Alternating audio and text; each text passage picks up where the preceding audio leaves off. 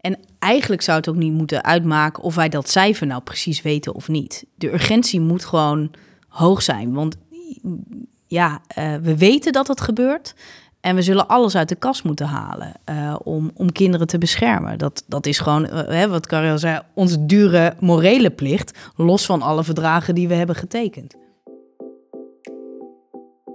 Dit is Recht van Spreken, de podcast over kinderrechten van Defense for Children. Want kinderrechten worden nog lang niet goed nageleefd en de gevolgen daarvan zijn groot. Wat moet er veranderen en welke oplossingen zijn er? Onze gasten hebben recht van spreken. Professionals en jonge ervaringsdeskundigen gaan in gesprek met Malou van der Starre. Een nieuw seizoen van Recht van Spreken. Fijn om weer een aflevering te mogen maken. Een bijzondere wel. In eerdere afleveringen van Recht van Spreken hebben we het veelal over kinderrechten in Nederland. En vandaag gaan we het hebben over een probleem dat geen grenzen kent: de internationale seksuele uitbuiting van kinderen. We bespreken onder andere of Nederland voldoende bijdraagt aan de bestrijding hiervan. En ik heb twee gasten aan tafel vandaag. Als eerste wil ik graag Anne Kuik welkom heten, uh, Tweede Kamerlid namens het CDA en commissielid Buitenlandse Handel en Ontwikkelingssamenwerking. Fijn dat je er bent en dat je vandaag met ons over dit onderwerp wil praten. En aan de andere kant van de tafel, dan gebruikelijk, Carrie van der Kroon, uh, dit keer niet als host van deze podcast, maar als gast. Ja, dankjewel. Stiekem wel een klein beetje zenuwachtig inderdaad om niet die touwtjes in handen te ja, hebben. Voelt het vandaag. anders? Dat voelt wel anders, ja. ja. En hoe komt het dat je nu aan de andere kant zit? Ja, de meeste luisteraars, uh, of de terugkerende luisteraars, die hebben we namelijk, uh, kennen mij als uh, de stem van de podcast. Maar in de afgelopen jaren heb ik bij Defense for Children de internationale ontwikkelingssamenwerkingsprogramma's gecoördineerd op het gebied van seksuele uitbuiting van kinderen, de bestrijding daarvan natuurlijk. En ik moet eigenlijk zeggen, dat doe ik bij Defense for Children ECBAT. Wij zijn namelijk uh, lid van het internationale ECBAT-netwerk. Het netwerk dat uh, seksuele uitbuiting van kinderen in meer dan 100 landen met meer dan 100 organisaties uh, bestrijdt. En ik ben daar ook bestuurslid. Ja, nou het is heel leuk om vandaag inhoudelijk met jou in gesprek te gaan en met Anne. Ik ben heel erg benieuwd om meer te horen over jullie ja, gedachten hierover. Het is wel, vind ik, een heftig onderwerp. Um, Anne, waarom gaat dit onderwerp jou zo aan het hart? Um, ja, omdat het om de meest uh, kwetsbare uh, mensen gaat. Het gaat echt om, om, om kinderen, om jonge meisjes uh, die we als volwassenen, maar ook als overheid, zouden moeten beschermen. En um, ja, de vele berichten die we natuurlijk zien en de getallen um, zijn natuurlijk schrikbarend. Maar als je echt de concrete voorbeelden hoort hoe meisjes uh, worden uitgehuwelijkt uh, op hun tiende al. Er was onlangs uh, een voorbeeld van een meisje in Afghanistan, zodat het gezin kan overleven. dat soort voorbeelden, ja, die raken gewoon gigantisch. Want daar hebben we gewoon een plicht als volwassenen, maar ook als overheid, om juist die te beschermen. Nou, daar gaan we het nog uitgebreid over hebben. Allereerst heb ik een vraag aan jullie beiden. En dan de uitdaging om daar een, nu een kort antwoord op te geven, zodat we er later meer over door kunnen praten. Waarom is het een taak van Nederland om internationaal bij te dragen aan de bestrijding van die seksuele uitbuiting van kinderen? Nou ja, ik vind dus als overheid en als volwassenen uh, moet je kwetsbaren beschermen. Dus juist ook die kinderen. En als Nederland? En als Nederland zien we dat we uh, helaas uh, ook een hele slechte speler zijn als het gaat om uitbuiting van kinderen, dan individuen in Nederland. Ja, en daar, ja, daar moeten we ons, uh, steentje aan bijdragen om uh, daar uh, ja, mensen in te beschermen en agressors eh, aan te pakken. Ja, het is eigenlijk een, morele plicht die Anne noemt. En daar ben ik het natuurlijk ook helemaal mee eens. Er zijn ook best wel veel juridische redenen aan te wijzen. Um, Nederland heeft het VN-kinderrechtenverdrag ondertekend, waar deze plicht heel duidelijk in staat. Om dat binnen de landsgrenzen te doen, maar ook om met landen samen te werken aan de implementatie van kinderrechten. Nederland is daarnaast heel actief op het gebied van wat we noemen SRGR, seksuele en reproductieve gezondheidsrechten. Dat is een doel van ons buitenlandbeleid. Maar wat daar soms nog wordt vergeten, is dat dat ook gaat over seksuele uitbuiting van kinderen. En om kinderen specifiek, want als je wil dat kinderen of jongeren, volwassenen geïnformeerde keuzes maken rondom seksualiteit, dan hebben we eerst dit probleem op te lossen. Dus ook daarom is het heel erg van belang. Um, nou, de duurzame ontwikkelingsdoelen, daar staat het ook in dat dit echt een doel is om seksuele uitbuiting van kinderen te bestrijden. En Nederland heeft zich ook gecommitteerd internationaal aan, uh, aan een alliantie die de bestrijding van kinderarbeid wil versnellen. Dat is de 8.7 alliantie. En Nederland heeft daarin gezegd, wij willen voorloper zijn. Dus talloze redenen om, uh, om dit uh, echt voortvarend aan te pakken. En er is goed over door te praten. Um, waar ik eerst even over wil hebben, Carrie, jij bent op reis geweest naar Bolivia onlangs. Een van de landen waar seksuele uitbuiting echt een enorm probleem is. Uh, hoe was dat voor jou? Heftig. Um, ja, dat ten eerste. Het was voor uh, ons programma Down to Zero, uh, dat gefinancierd wordt dus door het ministerie van Buitenlandse Zaken. Uh, in twaalf landen zijn we met meerdere organisaties actief. En ik was door corona al een paar jaar niet meer ergens geweest. En heb ik vooral van achter de laptop het over dit probleem gehad. En dit was voor het eerst dat ik weer in aanraking kwam, ook direct met slachtoffers en nou ja, overlevers van seksuele uitbuiting. Ja, dat is heel confronterend. Ja, want je bent er naartoe gegaan en je hebt echt heel veel verschillende partijen gesproken. Je hebt lokale politie gesproken, lokale bevolking, eigenaren van hotels. En je bent dus ook gaan kijken in een opvanghuis voor meisjes die slachtoffer zijn geworden van seksuele uitbuiting. Hoe was dat? Ja, dat was in El Alto, de stad naast uh, La Paz. En dat is een gebied dat heel erg bekend staat om uh, heel veel seksuele uitbuiting, heel veel criminaliteit. En op een uh, geheime plek verblijven meisjes die slachtoffer zijn geworden van seksuele uitbuiting. En zij mogen daar blijven tot hun achttiende. Zijn ze helemaal beschermd, opleiding, overal wordt eigenlijk voor gezorgd. Ik vond het heel heftig, ook heel mooi om de, hun veerkracht te zien en hoe ze elkaar ook supporten. Um, maar het jongste meisje dat ik daar tegenkwam was elf. En dat betekent dat toen zij werd uitgebuit, toen zij seksueel werd uitgebuit, dat zij nog jonger moet zijn geweest. En dat is uh, ja, een verschrikkelijke gedachte. Ja, het lijkt me vreselijk sowieso om dat allemaal te zien. En je hebt ook een goed beeld gekregen van hoe het leven daar op straat is en waar de gevaren daarvan zijn. Daar uh, hebben we ook een geluidsfragmentje van. Laten we daar even naar luisteren. We zien een heel jong meisje hier, van nou, zeker onder de 10 jaar oud. Uh, zij is snoepjes aan het verkopen hier op straat. En Wilmer, mijn, mijn, collega, geeft haar een folder en legt, of vraagt haar van goh, hoe gaat het? En waar woon je? Woon je bij, woon je bij familie? En ze, ze antwoordt ja. En hij legt haar uit van goh, mocht je, mocht je nou problemen hebben of iets, dan, dan, dan kun je ons bellen. En hier heb je een foldertje en zorg goed voor jezelf. Want, ja, de plek waar zij snoepjes zitten verkopen is gewoon echt heel gevaarlijk. Dus ze loopt een enorm risico om ja, ook slachtoffer te worden van seksuele uitbuiting. Ja, je ziet zo'n meisje daar dus staan en je zegt ook van, uh, je weet gewoon dat het risico heel erg groot is dat er wat gaat gebeuren.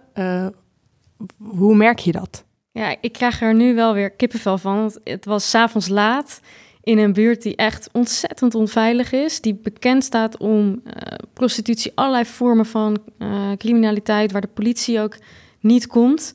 En echt een heel jong meisje zit daar op een kartonnetje met een aantal snoepjes uh, voor zich, die zij verkoopt, alleen.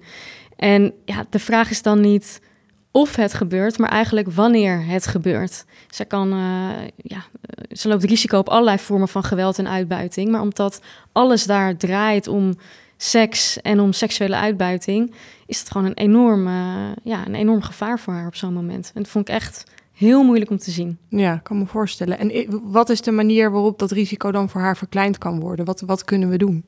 Nou, mijn collega's uh, geven dus op zo'n moment snel voorlichting, proberen in de gaten te krijgen van ben jij hier echt helemaal alleen? Of nou, verderop was er een broertje of een zusje, maar dus ook minderjarig.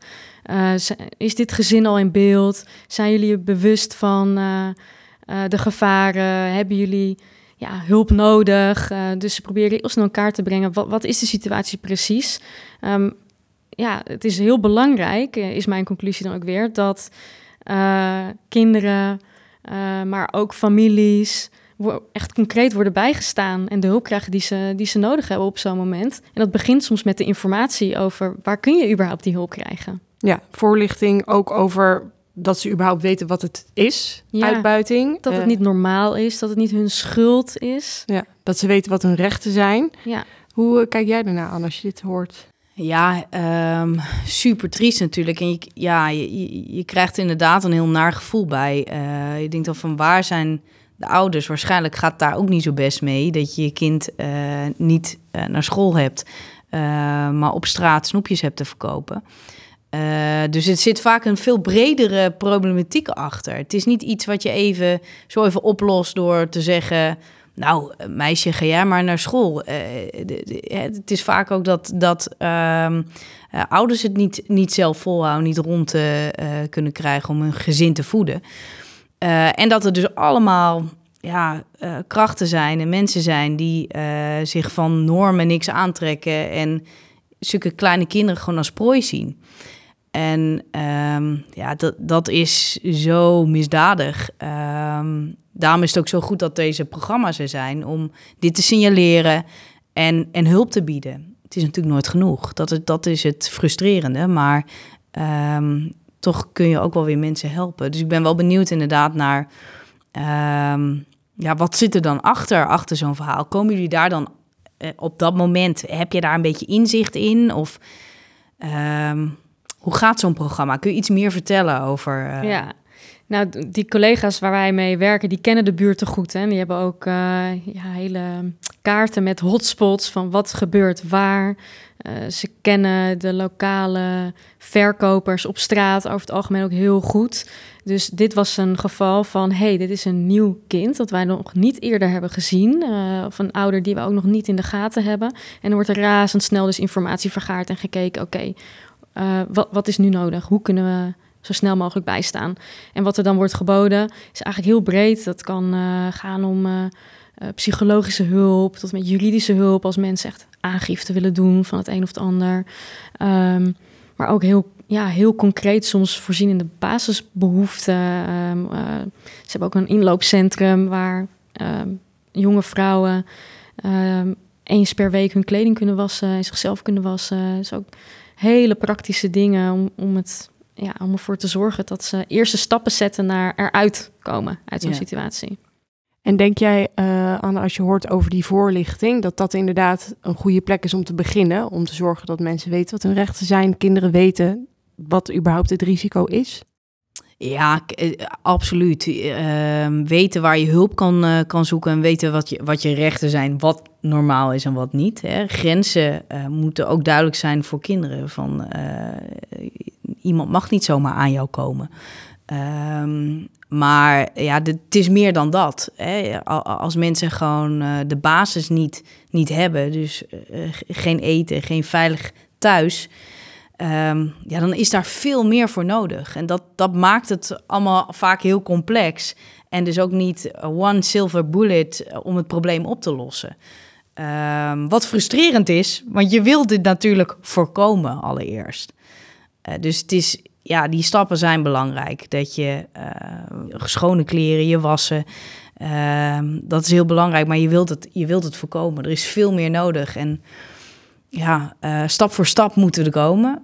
Uh, maar je hebt ook een samenleving nodig en een mentaliteitsverandering nodig. Ja, nou, daar gaan we het nog over hebben, inderdaad, uh, wat er voor nodig is en wat wij daar ook als Nederland anders in kunnen doen. Ik ben ook wel benieuwd, jij hebt daar dus ook uh, gezien wat misschien de impact van het programma is. Mm wat, wat zag je? Nou, naast die kinderen en die jongeren waar wij mee spreken, werken wij ook heel veel samen met uh, lokale overheden, met de private sector. En daar zag ik dat er heel veel uh, reis- en toerisme professionals, maar ook het ministerie van Toerisme, heel actief zijn en uh, zich heel bewust zijn van de risico's, protocollen maken met elkaar, afspraken maken met elkaar over hoe je het signaleert, hoe je het voorkomt, hoe je handelt als je toch iets ziet. Dus ontzettend alert. En dat zij ook hele gebieden hebben waar ze dan hebben afgesproken met elkaar, private sector, overheid uh, en de lokale bevolking hier tolereren wij geen seksuele uitbuiting van kinderen in deze toerismebestemming. Deze toerismebestemming is vrij van seksuele uitbuiting. Dus dat is tegelijkertijd heel erg hoopvol ook uh, om te zien. En ook, ja, ook gaaf voor mij om dat uh, te mogen zien. Ja, super belangrijk dat die partners samenwerken. Ja. Inderdaad, dat je niet in je eentje staat, maar juist die community uh, daarbij gebruikt.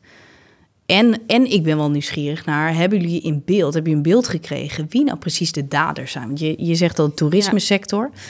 Ja. Um, wie zijn het? Ja, in uh, het specifieke geval van Bolivia en El Alto, um, heel erg. Maar eigenlijk wat mijn collega's daar aangaven is dat iedereen daar gebruik maakt van jonge vrouwen, meisjes. Dat is in Nederland al helemaal genormaliseerd. Dus het is niet alleen de internationale reiziger of de regionale of de nationale reiziger, wat we vaker zien uit onderzoeken, Mhm. maar toch ook ja, de lokale bevolking. Dus ik heb op straat ook gezien, ehm, s s'avonds laat, dat vrouwen echt werden lastiggevallen door dronken mannen. En ik weet niet of dat vrouwen waren die al in een situatie van seksuele uitbuiting zaten. Maar die mannen riepen gewoon de hele tijd: hoeveel, voor hoeveel, quanto, quanto, hoeveel kost je? En ze hielden gewoon niet op, hielden erg aan.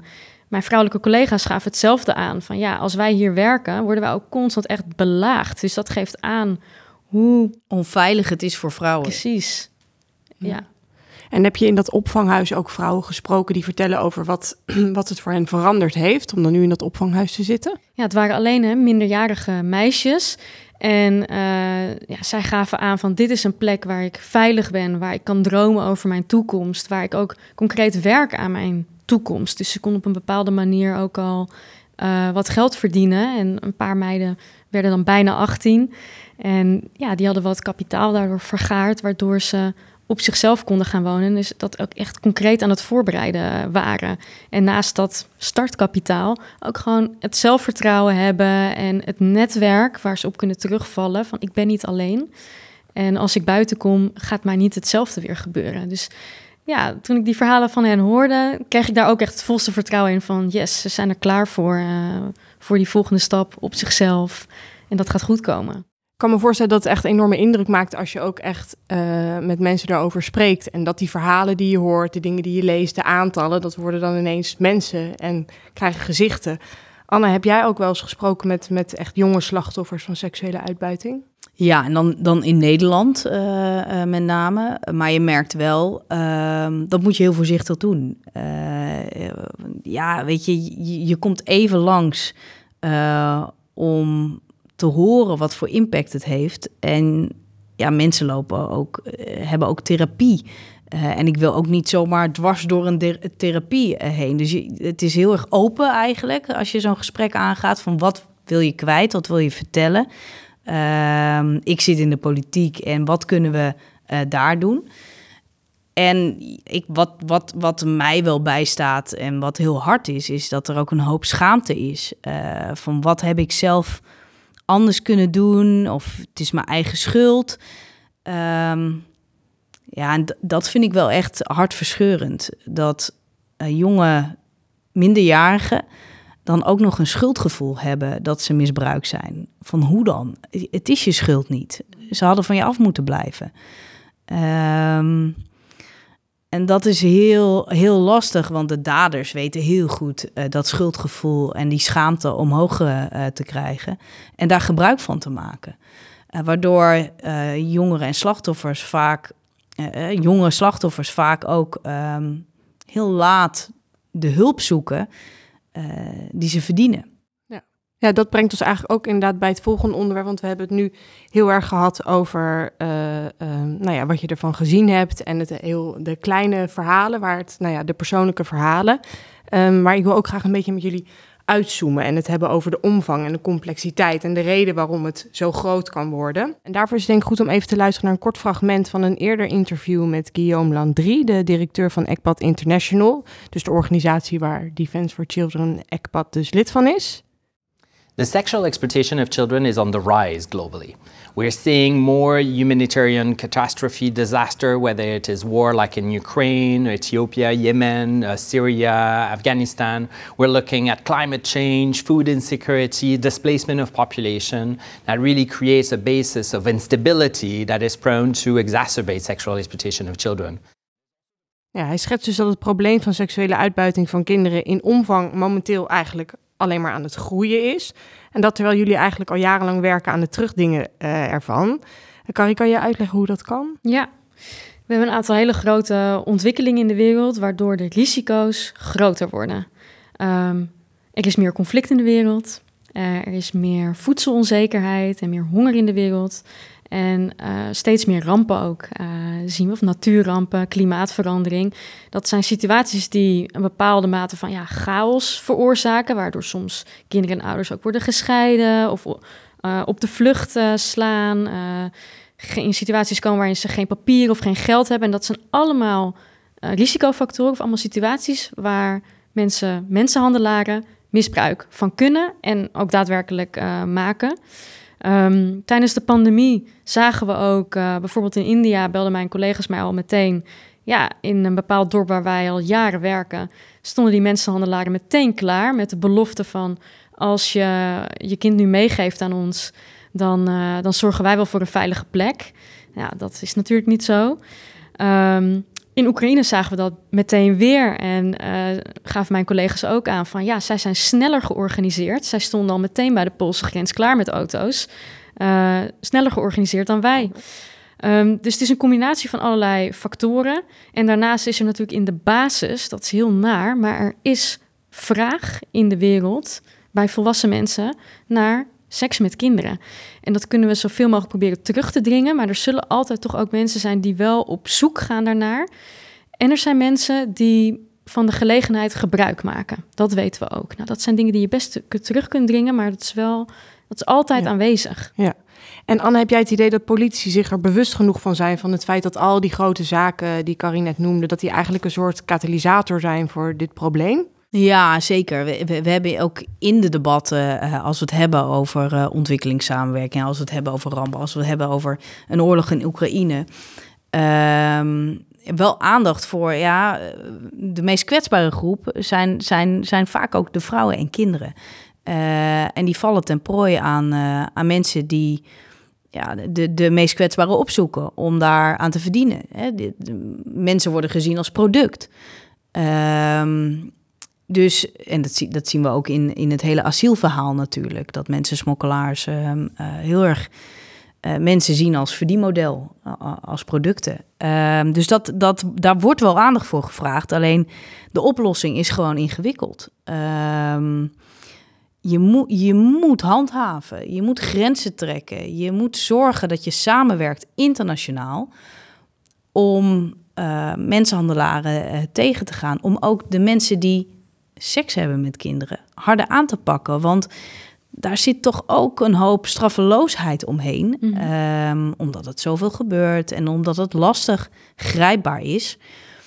Um, ja, waardoor het schrikeffect er, er ook niet is. Ja. En je noemt ook net al een beetje van de, de zichtbaarheid van het probleem, wat dus enorm aan het groeien is. En Guillaume Landry zegt ook daar iets over. It's not possible to measure the number of children sexually exploited globally. The majority of victims either don't disclose that they've been victimized in that sense, or they'll share that information with other children. That represents the majority of cases where adults, even the parents, the caregivers, the teachers, the hotline, the police, are completely unaware that this happens. Dus doordat kinderen er niet over praten, zegt hij, wordt het ook niet geregistreerd. Nou, dat noem je net ook al een beetje, van het is dan een beetje onzichtbaar. Ja, het stopje van de ijsberg wat je eigenlijk ziet. Um, en dat zien we in Nederland ook. En daardoor kan het idee uh, ontstaan van, nou ja, het zal allemaal wel meevallen, toch?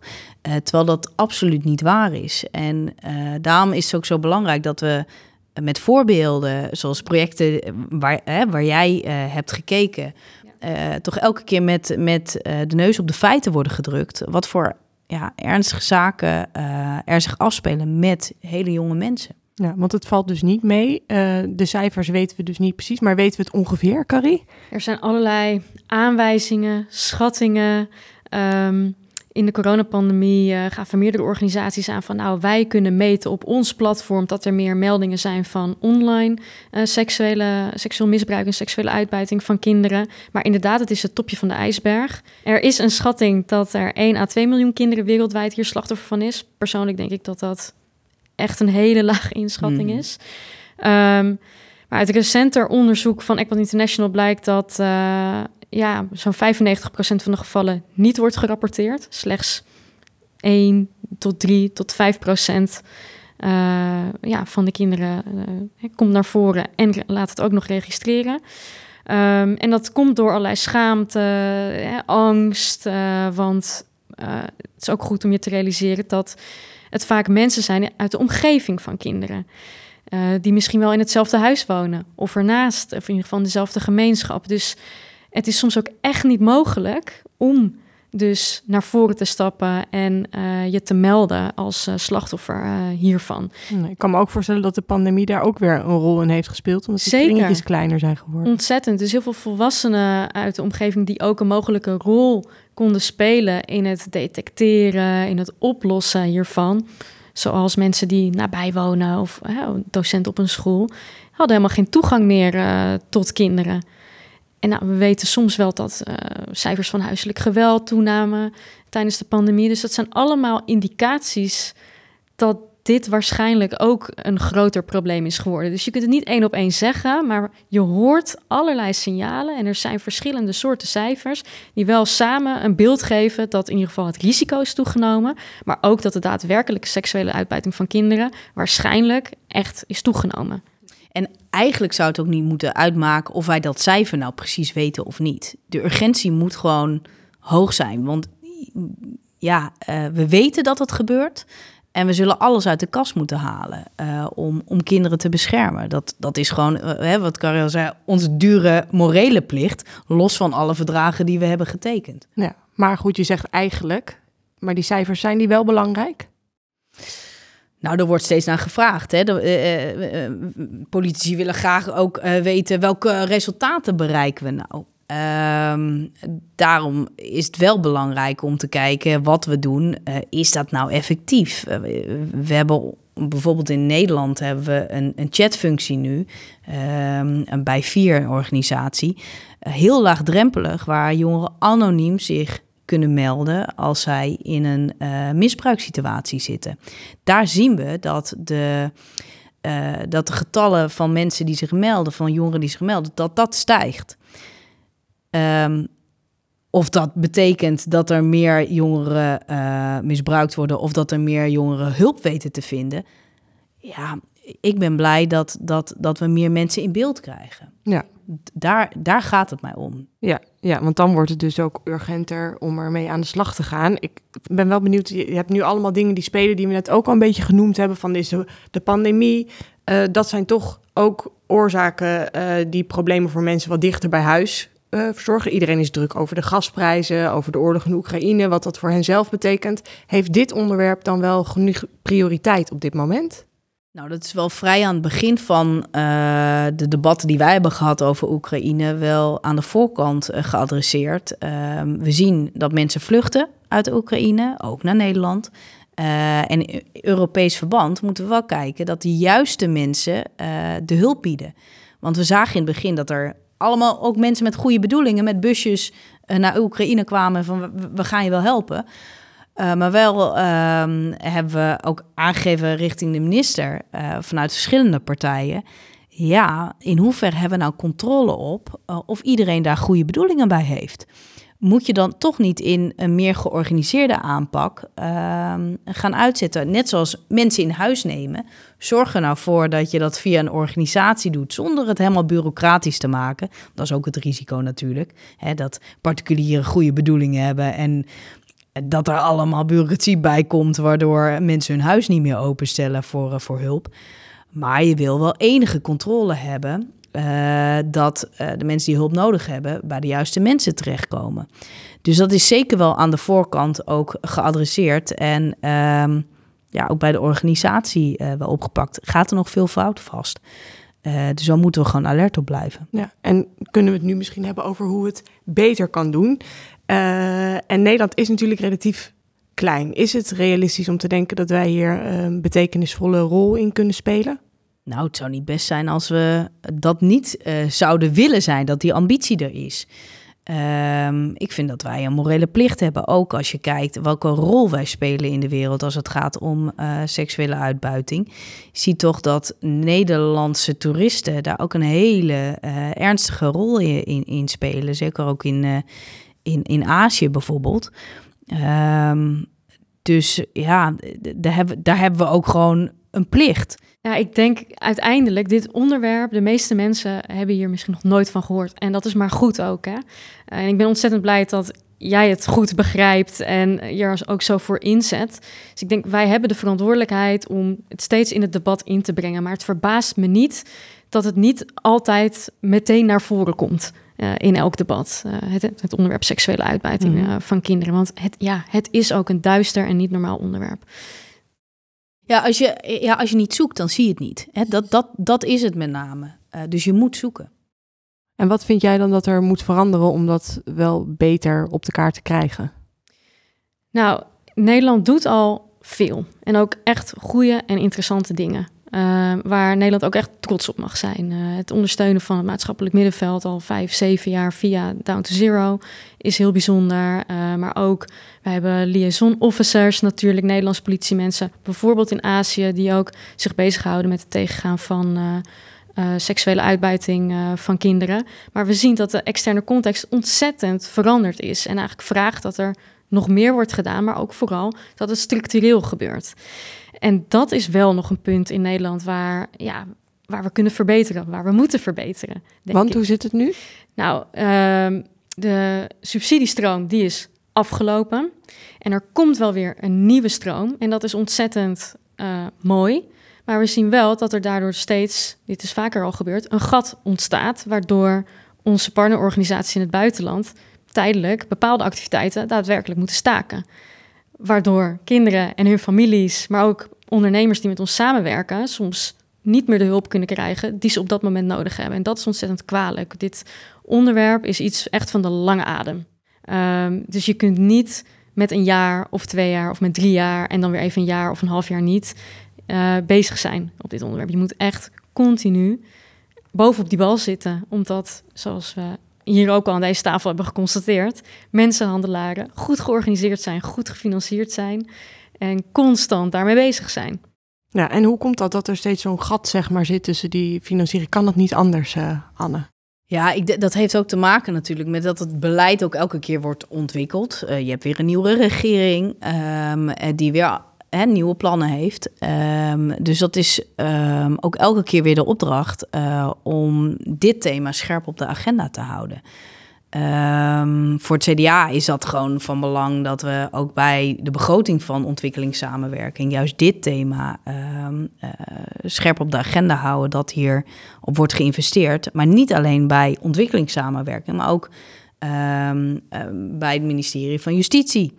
Want je, je moet echt samenwerken ook met bronlanden. Als je ziet dat vrouwen uit Nigeria hier terechtkomen of in Europa terechtkomen uh, en in de seksindustrie worden nou ja, van land naar land worden gebracht, dan zul je ook bij een land, een bronland noemen we dat dan, bijvoorbeeld bij Nigeria, contacten moeten hebben. Hoe voorkomen we nou überhaupt dat vrouwen een vals beeld voorgespiegeld krijgen. Van oh, we hebben een job voor jou in de schoonmaak. Um, waar je geld kan verdienen, geld naar huis kan sturen, uh, naar je eh, family uh, in het land. Dus zorg ook dat je internationaal samenwerkt met die landen. Da daar lopen wel lange lijnen op. Um, maar ja, je houdt toch ook, ook bij begrotingen af en toe ook kortere projecten. En dat is soms inderdaad lastig, omdat je, ja, het zijn gewoon lange lijnen die je moet door blijven zetten. Denk dat een van de uh, basisproblemen die we misschien ook nog wel hebben, is dat kinderen en kinderrechten niet echt prominent verankerd is in het Nederlands buitenlandbeleid. We hebben een aantal uh, doelgroepen en een aantal thema's die meerjarig lopen en soms meerdere keren vijf jaar lopen. Kinderen en jongeren hebben niet uh, een zelfstandige prioriteit. En dat maakt het ook lastiger. Dus we moeten het steeds ergens onderbrengen. En dat is altijd een korte termijn. Dus het zou eigenlijk, wat mij betreft, de oplossing zijn om echt te zeggen van naast vrouwen, naast journalisten, prioriteren we ook kinderrechten in ons buitenlandbeleid. Ja, en dat zien we inderdaad bij het thema um, gender. Uh, vrouwen versus mannen. We zien vaak dat met name de mannen aan tafel zitten als er nou, bijvoorbeeld vredesonderhandelingen zijn. daar, daar is al veel meer de bewustwording. Willen in elk programma, waar we het dan ook over hebben, over welk onderwerp, of het nou over gezondheid gaat of over voedselzekerheid, de positie van vrouwen aan tafel. En ja, wij noemen het vaak in één adem en, en ook de jonge, eh, de jonge kinderen en met name de meisjes, omdat die vaak gewoon een kwetsbare positie hebben, zien wij terug. eh, die zou in elk programma gewoon geïmplementeerd moeten worden. Dus niet, tuurlijk ook een apart stukje uh, specifiek op uh, tegengaan van kindhuwelijken bijvoorbeeld. Maar um, ook in, in de onderwijsprogramma's, in de gezondheidsprogramma's. Wat is de positie van jonge meisjes in, in het beleid? Dat is veel beter dan dat we allemaal hokjes hebben. Want dan krijg je ook zeg maar een soort cannibalisering. Hè? Dat de ene lobbyclub eh, zich vooral bezig gaat houden met uh, mensen uh, die um, deze bepaalde ziekte hebben. De andere lobbygroep gaat zich bezighouden met homorechten, de vrouwenrechten. Ja, pas op met die hokjes. Het is heel goed om alert te zijn op die kwetsbare groepen. Maar we moeten ja, ook aan de andere kant weer oppassen dat we hokjesbeleid hebben. En daardoor ze eigenlijk missen in het overzicht. Zeggen van ja, nee, maar we hebben dit hokje al voor de, voor de kinderen. Uh, en ondertussen gaan we door met de grote programma's als het gaat om, om voedsel, om gezondheid. Terwijl ze daar heel duidelijk in betrokken moeten worden. Ja, je moet eigenlijk continu in de gaten houden hoe het met die kinderrechten... Je moet het hele plaatje elke keer, uh, ja. En is het dan realistisch uh, om te denken dat dit probleem ooit opgelost gaat worden? Wat denken jullie? Het is, uh, je, je, moet altijd blijven werken. Het is, uh, geef nooit op en je moet altijd eraan blijven werken. We moeten altijd alert blijven zijn. Ik denk dat dat de realiteit gewoon is. Carrie, wat denk jij? Dat denk ik ook. er is altijd een vraag. Er zijn, zullen altijd mensen zijn die gebruik of misbruik zullen willen maken van een situatie. Dus je moet continu werken aan het onder de aandacht brengen dat het niet oké is. En aan het werken aan sociale normen. Dat die sociale norm in een gemeenschap is dat dat niet oké is. En nou, ik geloof wel dat je dus heel veel kunt voorkomen. En ook met kinderen en jongeren samen. Um, dat doen we ook, hè? bijvoorbeeld met Youth Voices for Change. Dat zijn allerlei kinderen en jongeren binnen Down to Zero die uh, zichzelf uitspreken, uh, die ook richting de politiek uh, dat doen. En die dus ook heel erg bijdragen aan het op de kaart houden van dit onderwerp. En iedereen alert blijven houden. Want ja, er zijn natuurlijk steeds weer nieuwe generaties. Dus een stukje zal je blijvend continu moeten, en, moeten en, doen. En dat is veel sterker, hè? dat jongeren zelf ook andere jongen aanspreken uh, van dit zijn onze rechten en hier trekken we een lijn. Kijk, als ik als politica uh, dat zeg, uh, dat is hartstikke goed natuurlijk. Maar het heeft veel meer impact als uh, een leeftijdsgenoot uh, hiervoor opkomt en, en dat aangeeft. Dat de sociale gemeenschap een lijn trekt. dat hebben we echt nodig. We hebben allianties nodig die ook die sociale normen verdedigen. Dan zorg je er inderdaad voor dat daders echt minder een kans krijgen. Jullie zijn het in ieder geval uh, over eens dat er niet kan worden weggekeken van deze vorm van kinderrechten schending. En dat we daar dus als land absoluut een uh, stevige bijdrage aan moeten leveren. Anne, fijn dat je er was. Jij ook, Carrie. Heel erg bedankt uh, voor dit belangrijke en mooie gesprek.